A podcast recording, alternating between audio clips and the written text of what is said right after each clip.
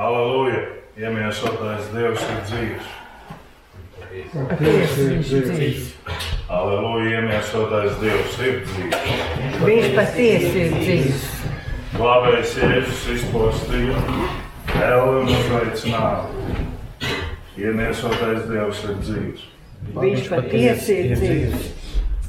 Mēs ticam uz Dievu Tēvu, visu valdītāju, debesu un zemes radītāju, un uz Jēzu Kristu, Dievu vienpiedzimušo dēlu, mūsu kungu, kas ieņemts no svētā gara, piedzimis no jaunās Marijas, cietis zem poncija Pilāta, krustā sists, nomiris, aprakts nokāpis ellē, trešā dienā augšām cēlēs, no mirušajiem uzkāpis debesīs, sēdies pie Dieva visu valdītāju tēva labās rokas no kurienes viņš atnāks tiesāt dzīvos un mirušos. Mēs ticam uz Svēto garu, vienu svētu vispārīgu baznīcu, svēto sadraudzi, grēku piedošanu, miesas augšām celšanos un mūžīgo dzīvošanu. Kungs, mēs slavējam, ka mums nav jāzemojas nēsoša elka priekšā, nedzīvs būtnes priekšā, bet ka tu esi dzīvs mūžu mūžos. Un tā nav tikai mūsu utopiskā iedoma, bet tā ir realitāte, kur mēs varam piedzīvot ikdienā. Un sveitī arī šodien, ka mēs to piedzīvojam visā pilnībā. Āmen. Āmen. Dziedāsim tāpat kā esmu palikuši.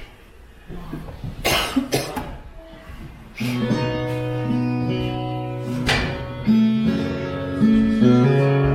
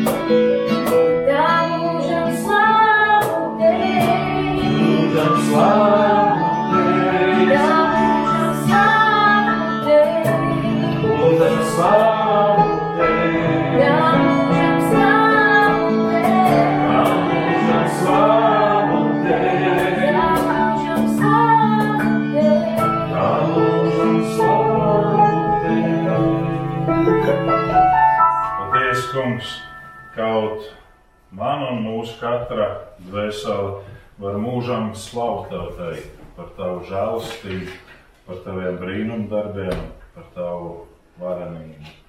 Un debes Tēvs ir tik daudz, ko mēs nespējam pat vārdos pateikt. Ja mēs to neapjaušam, mēs to nemanām, vai mums pietrūkst vārdu izteiksme. Tādēļ uzklausi, kad mēs tev piesaucam, teikdami, mūsu Tēvs debesīs, svētīts lai top tavs vārds, lai nāk tava valstība, tavs prāts, lai notiek kā debesīs, tā arī virs zemes.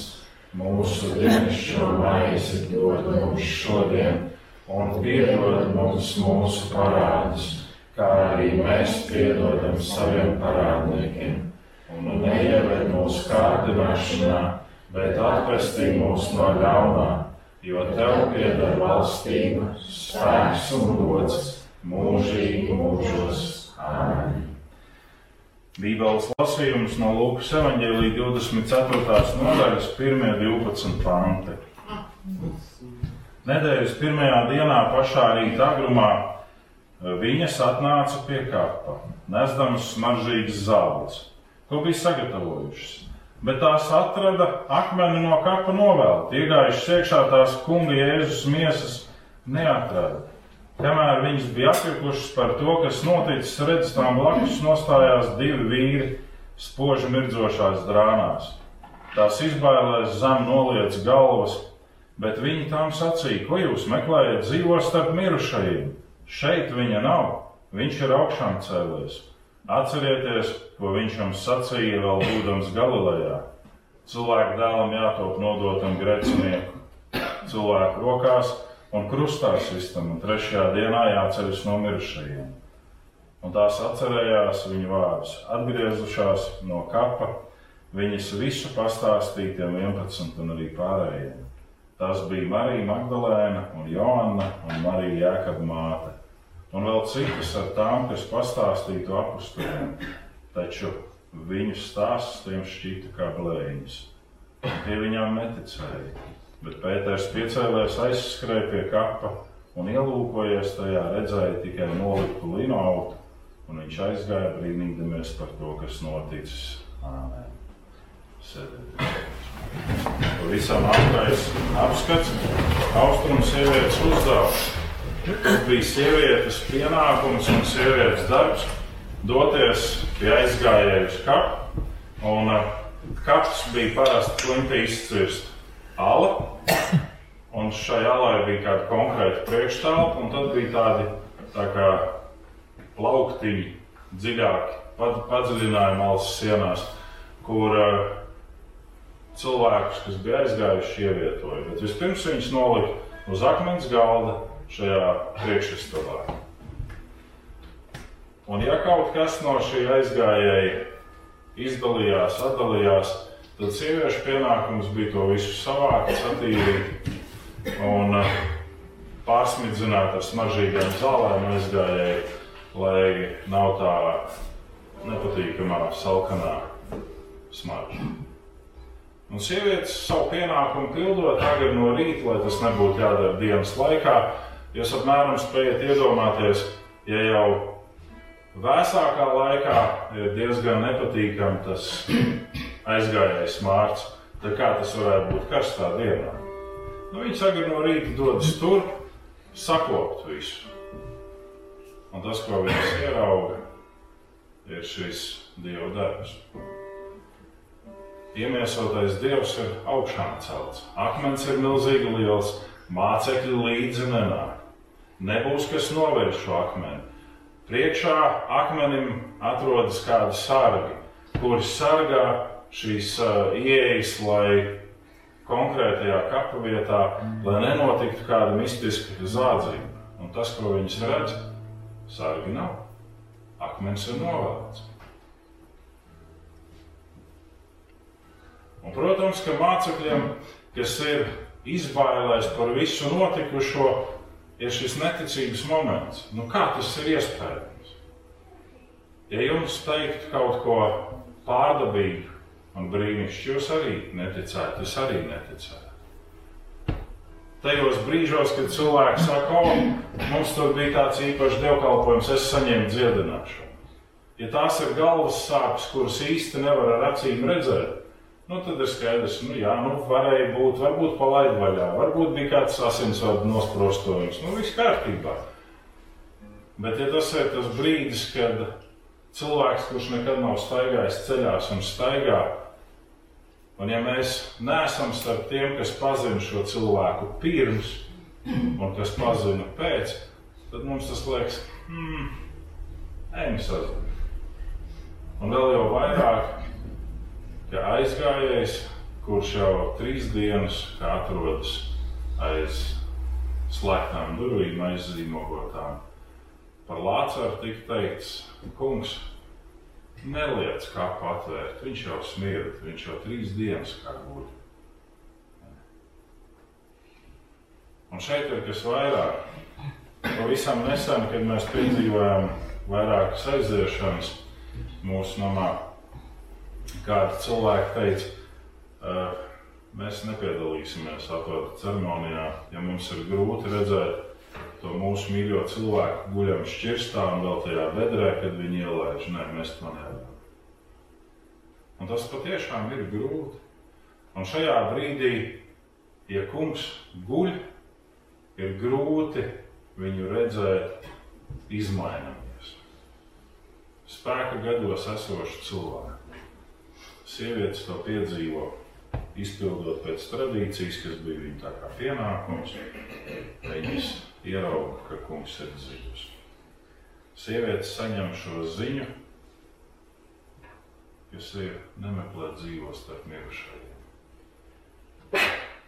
Ja viņš ir uzvarējis nāvi, ja viņš ir uzvarējis tevi, nemeklē dzīvo starp mirušajiem. Un lai arī mēs šajā dienā, nejot tālāk mūsu gājumā, nemeklējam dzīvo starp mirušajiem. Tas, ka viņš uzreiz neatbild ar jā uz katru mūsu lūgumu, nenozīmē, ka viņš nav. Mēs savā aizvainojumā parasti tā pieņemam. Ah, ja tu neatbildēji tā, kā es vēlējos, nu tad tevis nav. Ja tad tu esi ļoti dusmīgs un riebīgs. Nemeklē dzīvo starp mirušajiem. Lai Dievs svētī mūs ikvienu, ejot arī tālāk. Bija kādi mīļie, kas šajā rītā ļoti vēlējās būt mūsu vidū, bet viņi ir slimības skārti. Mēs pieminēsim viņus mūsu aizlūgšanās. Un, ja jūs zināt kādus sev tuvus un mīļus cilvēkus, kur arī nevarēja būt slimības dēļ, tad pieminiet arī šajā lūgšanā viņus. Debes Tēvs, Tu esi varens godībā, un Tu esi tas, kas atgriez mirušos dzīvē, Tu atjauno veselību sasirgušajiem, Tu dari brīnumus, jo Tu mūs esi ar savām rokām katru veidojis un darījis. Lūdzām Tavu žēlastību par Raimondu tēti, lūdzām Tavu žēlastību šobrīd arī par pašu Raimondu un Krišānu. Un, ja vēl ar viņiem kopā kāds ir sasirdzis, kungs, lai Tava glābšana ir pār viņiem. Un lūdzam debes Tēvs tos, kurus mēs nesam savās domās un savās sirdīs, viņu rūpēs, viņu nespējā, viņu bēdās, pieskaries katram no mūsu mīļajiem un ļauj viņiem piedzīvot bagātā mērā tavu žēlastību. Jēzus vārdā svētīdams, svētī mūsu ikvienu. Un dod mums dzīvot šajā augšām celšanās spēkā katru dienu. Amen. Amen. Un, uh, tas, par ko es domāju šajā rītā, mazliet bija, ka patiesībā baznīcas gads sākas ar Pasku, ar Lieldienām. Jo mēs parasti sakām, nu, tur ar adventu laiku. Adventu laiks ir kaut kas tāds ļoti neskaidrs un nenoteikts. Paska, jeb Lieldienas, kā tas ir pierasts mums teikt, ir kaut kas tāds, kas ir konkrēts. Un tāpēc laimīgi jauno gadu, lai Dievs jūs svētī. katru šajā jaunajā Dieva žēlastībā, ieejot un baudot, Kristus ir glābējs Jēzus. Nākamais. Dziedāsim.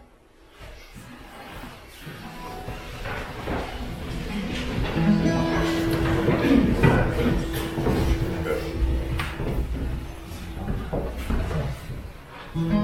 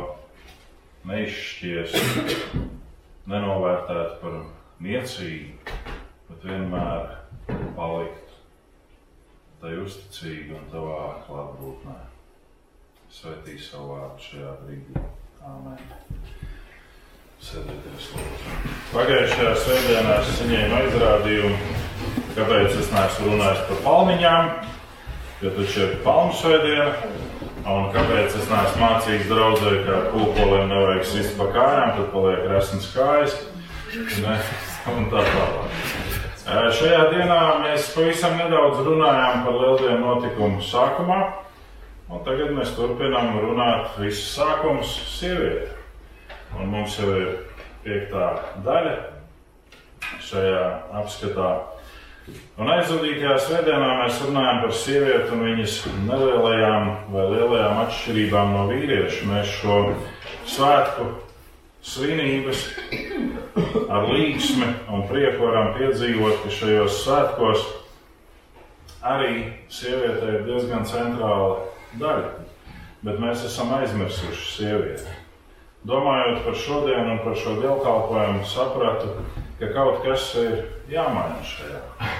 Un kā arī vakardiena mūsu kursa salidojuma uh, reizē, uh, es varbūt uh, mazliet skarbi izteicos, bet tas ir tas, ko es esmu piedzīvojis laikam ejot, ka 4. gadsimtā formējoties tam veidojumam, ko šodien mēs saucam par kristīgo baznīcu, sieviete tika pārsvītrota ar melnu svītu. Uzskatot, ka sieviete ir visļaunuma iemesls. Bija kāda konference, kur uzstājās kāda sieviete ļoti feministiski, un viņa no tribīnas priekšā sauca Kur jūs vīrieši būtu bez mums, sievietēm? Klusums. Visa zāle klusa. Viņa jūt, ka viņai veidojās pārspēks un viņa dedzīgāk sauc. Kur jūs vīrieši būtu bez mums, sievietēm? Turpinās klusums. Un tad viņa trešo reizi tā spēcīgi, varētu teikt, brēc.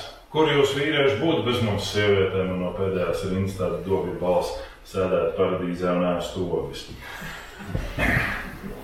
Bet patiesībā mēs redzam, ka sieviete it kā ir tā, kas dod šo auglu vīrietim, bet mēs kaut kā negribam vīriešu pamanīt, ka vīrietis nebija nodevis precīzas instrukcijas. Jo tad, kad mēs lasām radīšanas stāstu tieši šo grēkā krišanas epizodu, sievietei nodots in instrukcijas, ka viņa pat nedrīkst uzlūkot šo auglu. Bet instrukcijas bija, ka nedrīkst ēst. Un tad, kad viņi debatē ar čūsku, viņi saka, nu, mums teica, ka nedrīkst uzlūkot un ēst. Instrukcijas nebija precīzas. Kas nodeva instrukcijas? Okay. Ja sieviete ir ticības un mūžīgās dzīvības līdzmantiniece, kā Palmas veidā to sapratām, tad ir nepieciešami mums nepazemot sievieti un redzēt to kā vērtību arī augšām celšanās notikumā. Un kā Evīta Zērs saka, iepriecinoši uzzināt, cik daudz no Dieva varenajiem darbiem ir paveikts slepenībā, prom no cilvēku un eņģeļu ziņkārīgajām acīm. Kad Dievs radīja debesis un zemi, tumsa bija pār dziļumiem, Kad iemiesotais dievs tapa miesa, viņš kādu laiku tika nesāts zem svētās jaunās sirds. Kad viņš nomira, lai pasauli iemantotu dzīvību, iestājās tumsa, un viņu neviens neredzēja. Kad viņš augšām cēlās, bija ļoti agrs rīts. Neviens neredzēja, kā viņš uzcēlās. Dievs ir it kā saka, Viss, par ko jums ir vērts domāt, ir tas, kas es esmu, jo no tā atkarīgi jūsu cerība un jūsu miers. Es darīšu, ko es darīšu, un beigās tas viss nāks gaismā. Bet kā es to daru, ir mans noslēpums. Uzticieties man un nebaidieties.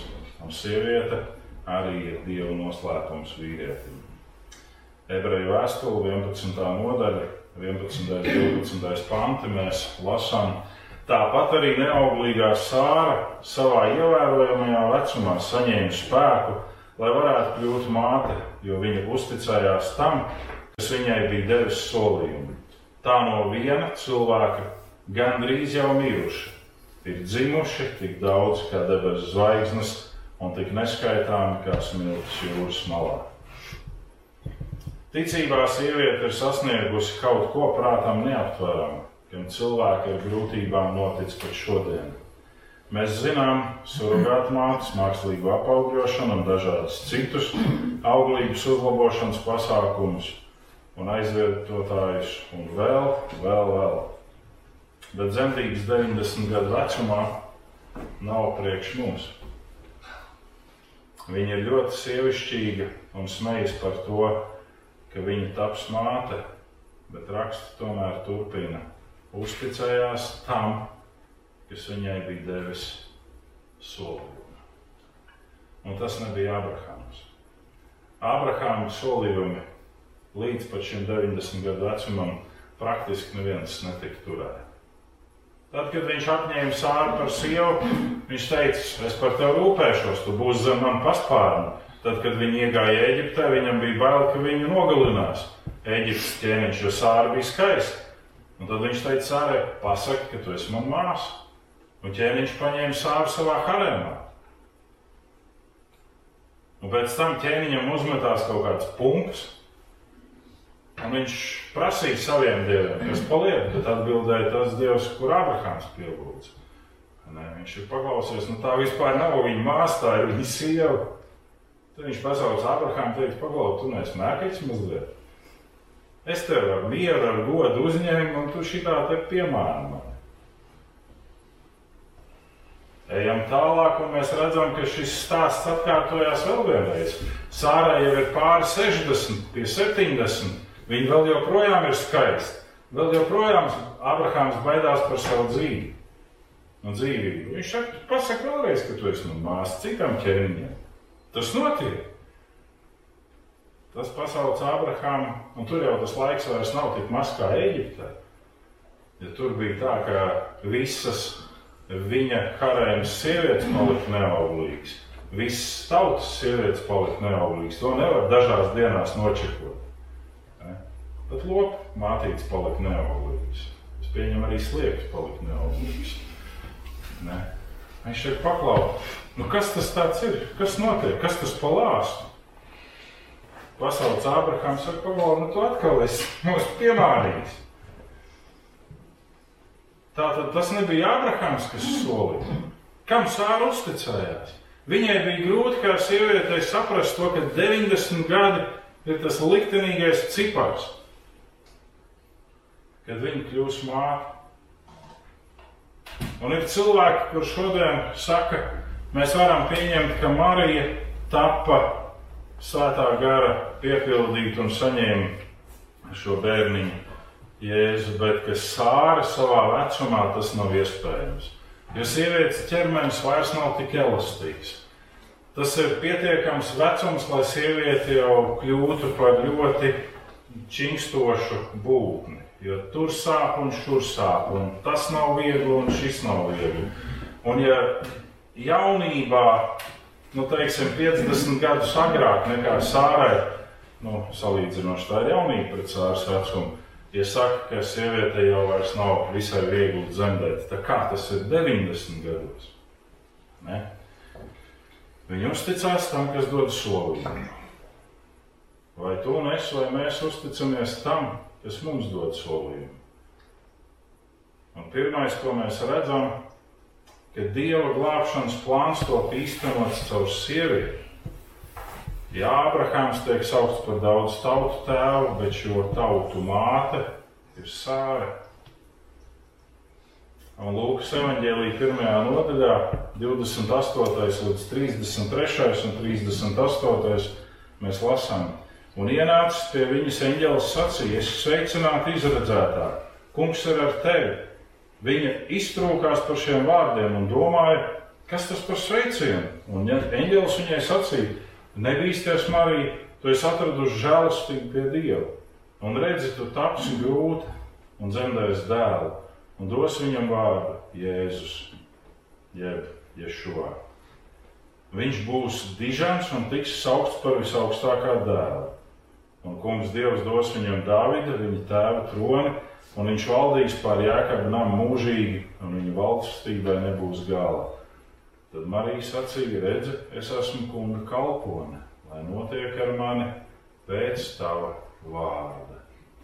Un ja mēs skatītos vecajā derībā, tad Dievs savu pestīšanu arī atklāja dažādās situācijās caur sievieti.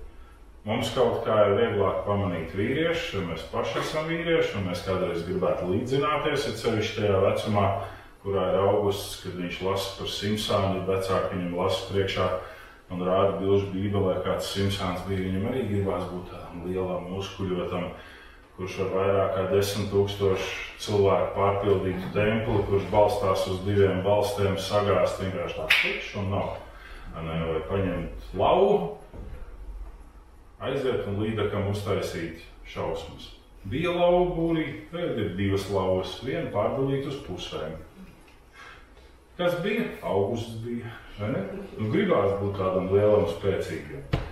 Un tad mēs tās sievietes tā kā pabīdam malā, un mēs, piemēram, nepamanām Esteru, kura gāja uz dzīvību un nāvi. Mēs nepamanām Rūtu. Mēs nepamanām to pašu ievu. Mēs sakām, viņa ir teikt, nu, tāda ļoti slikta sieviete. Viņa paveda Ādamu grēkā. Tad ir jāteic, kā jau mēs runājam pie vīrieta, Ādams bija ļoti vājš tādā gadījumā. Viņam bija šoka komunikācija ar Dievu.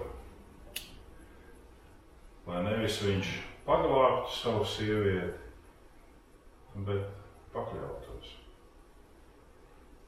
Bet vēlāk mēs redzam, ka tieši caur ievu ienāk sets, kas nes šo dievišķo spaidu. Tajā brīdī, kad Kains ir nogalinājis Ābeli, paiet 120 gadi līdz piedzimst sets. Un šie 120 gadi ir ievas sērošanas laiks. Un varētu teikt, vai nepietiktu tikai ar vienu gadu vai diviem. Jā, viņai nebija tajā laikā psihologa un psihoterapeita, kurus apmeklē, bet viņi sēroja 120 gadus. Un tad piedzimst sets. Bet šeit mēs lasām par Mariju. Arī jaunās derības pestīšanas turpinājums ienāk pasaulē caur sievieti. Un ja par ievu, par sāru, par esteri, par rutu mēs varam teikt, tur ir arī mazliet vīriešu līdzdalība. Tad par Mariju mēs pasakām, nu, nē, nē, tur nav. Tur pilnīgi nav vīriešu līdzdalība. Vīrietis nevar sist sev pa krūtīm un teikt, Bet pirms tas bērns nonāca pie tevis, viņš no dzimšanas brīža bija pie manis. Nav tāda iespēja. Šī īstenošanās notiek ar risku uz naža asmeni. Jo Marija pēc likuma ir nāvei lemta, jo viņa meitene esot bez laulības, ir tapusi grūtiem, palikusi stāvoklī. Viņai ir jātop nomētātai ar akmeņiem. Te rodas jautājums par Dievu darbu, un vai Dievs nav mazliet pārsteidzīgs. Jo varēja paciesties līdz Marija apprecās, un tad Dievs nav varētu turpināt savu darbu. Bet Dievs nav pārsteidzīgs, jo viņa aicinājums nāca seko man ir vienmēr ar izaicinājumu un upuri. Un sieviete ir pieņēmuši šo upuri, bet vīrietim ir problēmas ar to. Un es nemēģinu sievieti padarīt par pārāku, bet tikai norādīt uz konkrētu faktu. vīrietim upuri ir grūtāk pieņemt. Un tad, kad mēs lasām šo pašu notikumu tālāk par Jāzepu, tad viņam bija vēlme slepus atstāt Mariju vienu problēmas. Ne? Kā ir problēmas, tas ir tavs problēmas. Kā ir prieki, tie ir mūsu kopējie prieki. Iemiesotā dieva nāvi piedzīvo sievietes. Tur bija arī daudz sieviešu, kas skatījās no tālienes. Viņas bija sekojušas Jēzum no Galilejas, un viņam kalpojušas. Starp tām bija Marija Magdalēna un Marija Jēkaba un Jāzepa māte un Zebedeja dēla māte. Tā saka Matejs. Un Jānis saka, pie Jēzus krusta stāvēja viņa māte un viņa mās, mātes māsa Marija, Kleopas sieva un Marija Magdalēna. Kur bija puiši? Jēzus uzrunājot puikas paskām ielast laikā, teica, šajā naktī jūs visi pret manām grēkosieties. Kurš bēga, kurš nodeva, kurš aizliedza, kuram bija bail. Un vēlāk mēs lasām par pēc Jēzus augšām celšanās. Mācekļi, baidīdamies no jūdiem, nāca slepus aiz slēgtām durvīm. Un Jēzum bija jāiziet cauri atslēgas caurumu, lai viņš sastaptos ar mācekļiem, jo durvis bija cietas, un viņiem bija bail. Un šajā situācijā, kur viņiem ir bail un durvis ir cietas, sievietēm tomēr ir jāsaņem drosme un ir jāiet uz kapu. Un sievietes bija pieķērušās šiem skolotājiem tik ļoti, ka viņas atradās pie viņa krusta. Sievietei ir jābūt tai drosmei arī, vai ne? Jo tajā brīdī, kad acis tika atvērts, tad es vienkārši redzu to bildi, kā Ādams ielēc krūmos. Ne. Pirmais, kā kas tā krūmi. Jā, mēs zinām precedentu iebu sievu, kur teica atsak dievam un mirst, jo iebu ciešanas bija ļoti lielas, bet šeit ir Marija Magdalēna, no kuras Jēzus ir izdzimis septiņus ļaunos garus ir tā pati sieviete templī, kas tiek atvesta pie Jēzus, lai viņu nomētātu ar akmeņiem. Un ir tā pati sieviete, kas sasit alabastra trauciņu un svaida Jēzus kājas ar dārgu svaidāmo eļļu. Un viņa ir pieķērusies šim glābējam tik ļoti, ka viņa atrodas pie viņa krusta. Nebaidoties par to, kas varētu būt un kas nākt pār viņu. Māte pats par sevi ir pie sava dēla nāves gultas, ja sanāk tā situācija, ka dēls aiziet pirms vecākiem. Un arī vēl kāda sieviete, kas ir ļoti tuvu radinieci. Un tas ir tāds ļoti interesants fakts. Evangelijas ir tieši pie šī ārkārtīgi smagā notikuma kulminācijas atrodas sievietes. Tur ir sveši vīrieši, bet no pazīstamā loka ir tikai sievietes. Glābējs Jēzus ir norādījis jau it kā iepriekš, ka visi viņu atstās, kā jau mēs runājām. No mācekļiem un draugiem, un tomēr, kā mēs sakām, cerība mirst pēdējā, bet šoreiz tā nomirst kopā ar cerības devēju un avotu. Šo smago un necilvēcīgo dzīves epizodu piedzīvo sievietes, apbrīnojuma ir sievietes būtība, ko radītājs ir viņai ielicis. Jo nedaudz vīrieši un rūtītas slepkavas to var pieredzēt, ko pieredzēja sieviete. Šo fiziski izkropļotā, iemiesotā dieva ciešanu, nāvi piedzīvo sieviete. Kāpēc tu mācies par mērķi?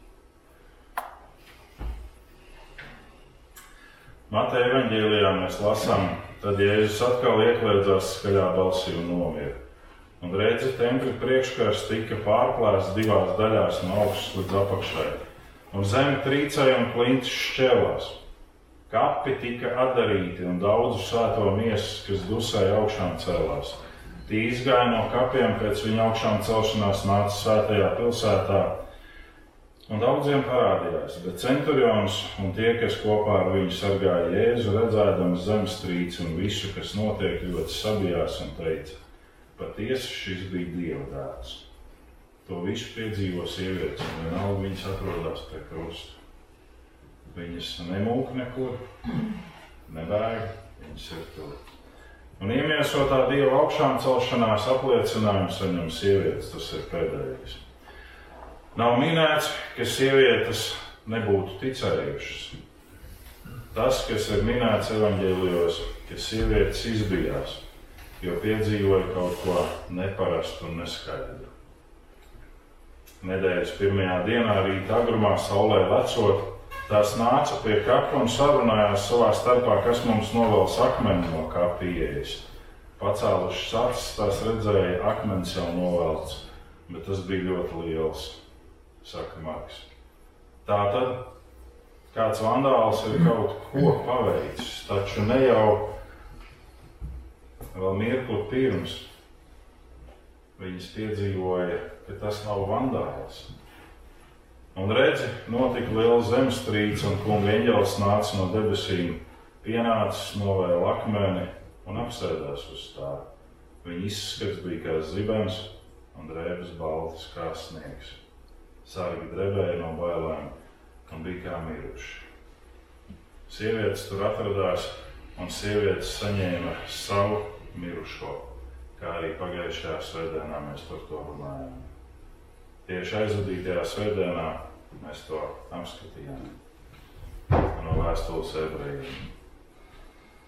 Un šodien mēs ieskatāmies tajā vēlreiz, jo šīm sievietēm aizgājējis bija visa viņa dzīve, un viņas to atguva. Neviena no sievietēm neaizgāja mūžībā ar sirdstrieku vai infarktu. Neviena nebeiga. Viņas bija tur pie kāpā. Piedzīvojot visu šo, viņas arī nebeiga no krusta. Marija pateica, es esmu tā kunga kalpone, lai notiek. Paldies Dievam, ka mums ir vīri, un paldies Dievam, ka mums vīri nav jābūt vieniem nec dzīvē, nec ticības ceļā. Lai Dievs svētī mūs kā draudzi un individus, mācoties un pieaugot šajā izpratnē. Un mans aicinājums un lūgums ir mēģināsim mazāk nicināt sievietes, vairāk redzēt, ka viņas arī ir Dieva radītas. Jo mūsu nicinājuma dēļ veidojās dažādi šie feminismu pulciņi un emancipācijas grupas, kurām tad mēs sākam karot pretī. Bet mēs jau esam kā mācītāji, kā kalpotāji, pazemojuši sievietes un pateikuši, ka viņu vieta baznīcā ir zem beņķiem un zem galva. Bet tad, kad vajag padekorēt baznīcu, mums vajag meitenes, tad, kad vajag iet pie veciem, smirdīgiem pensionāriem, mums vajag meitenes. Nē, jo tad mēs nevaram. Tas ir, tas ir zem mūsu goda. nē, nē, nu, mums deguni ir jūtīgāki. Varbūt es mazliet cīniski izsakos par puišiem, bet uh, lai Dievs svētī, ka mēs esam kā viens veselums, viena draudze, Dieva mīlestības pildīta. Dievs svētī mūs ikvienu dziedāsim.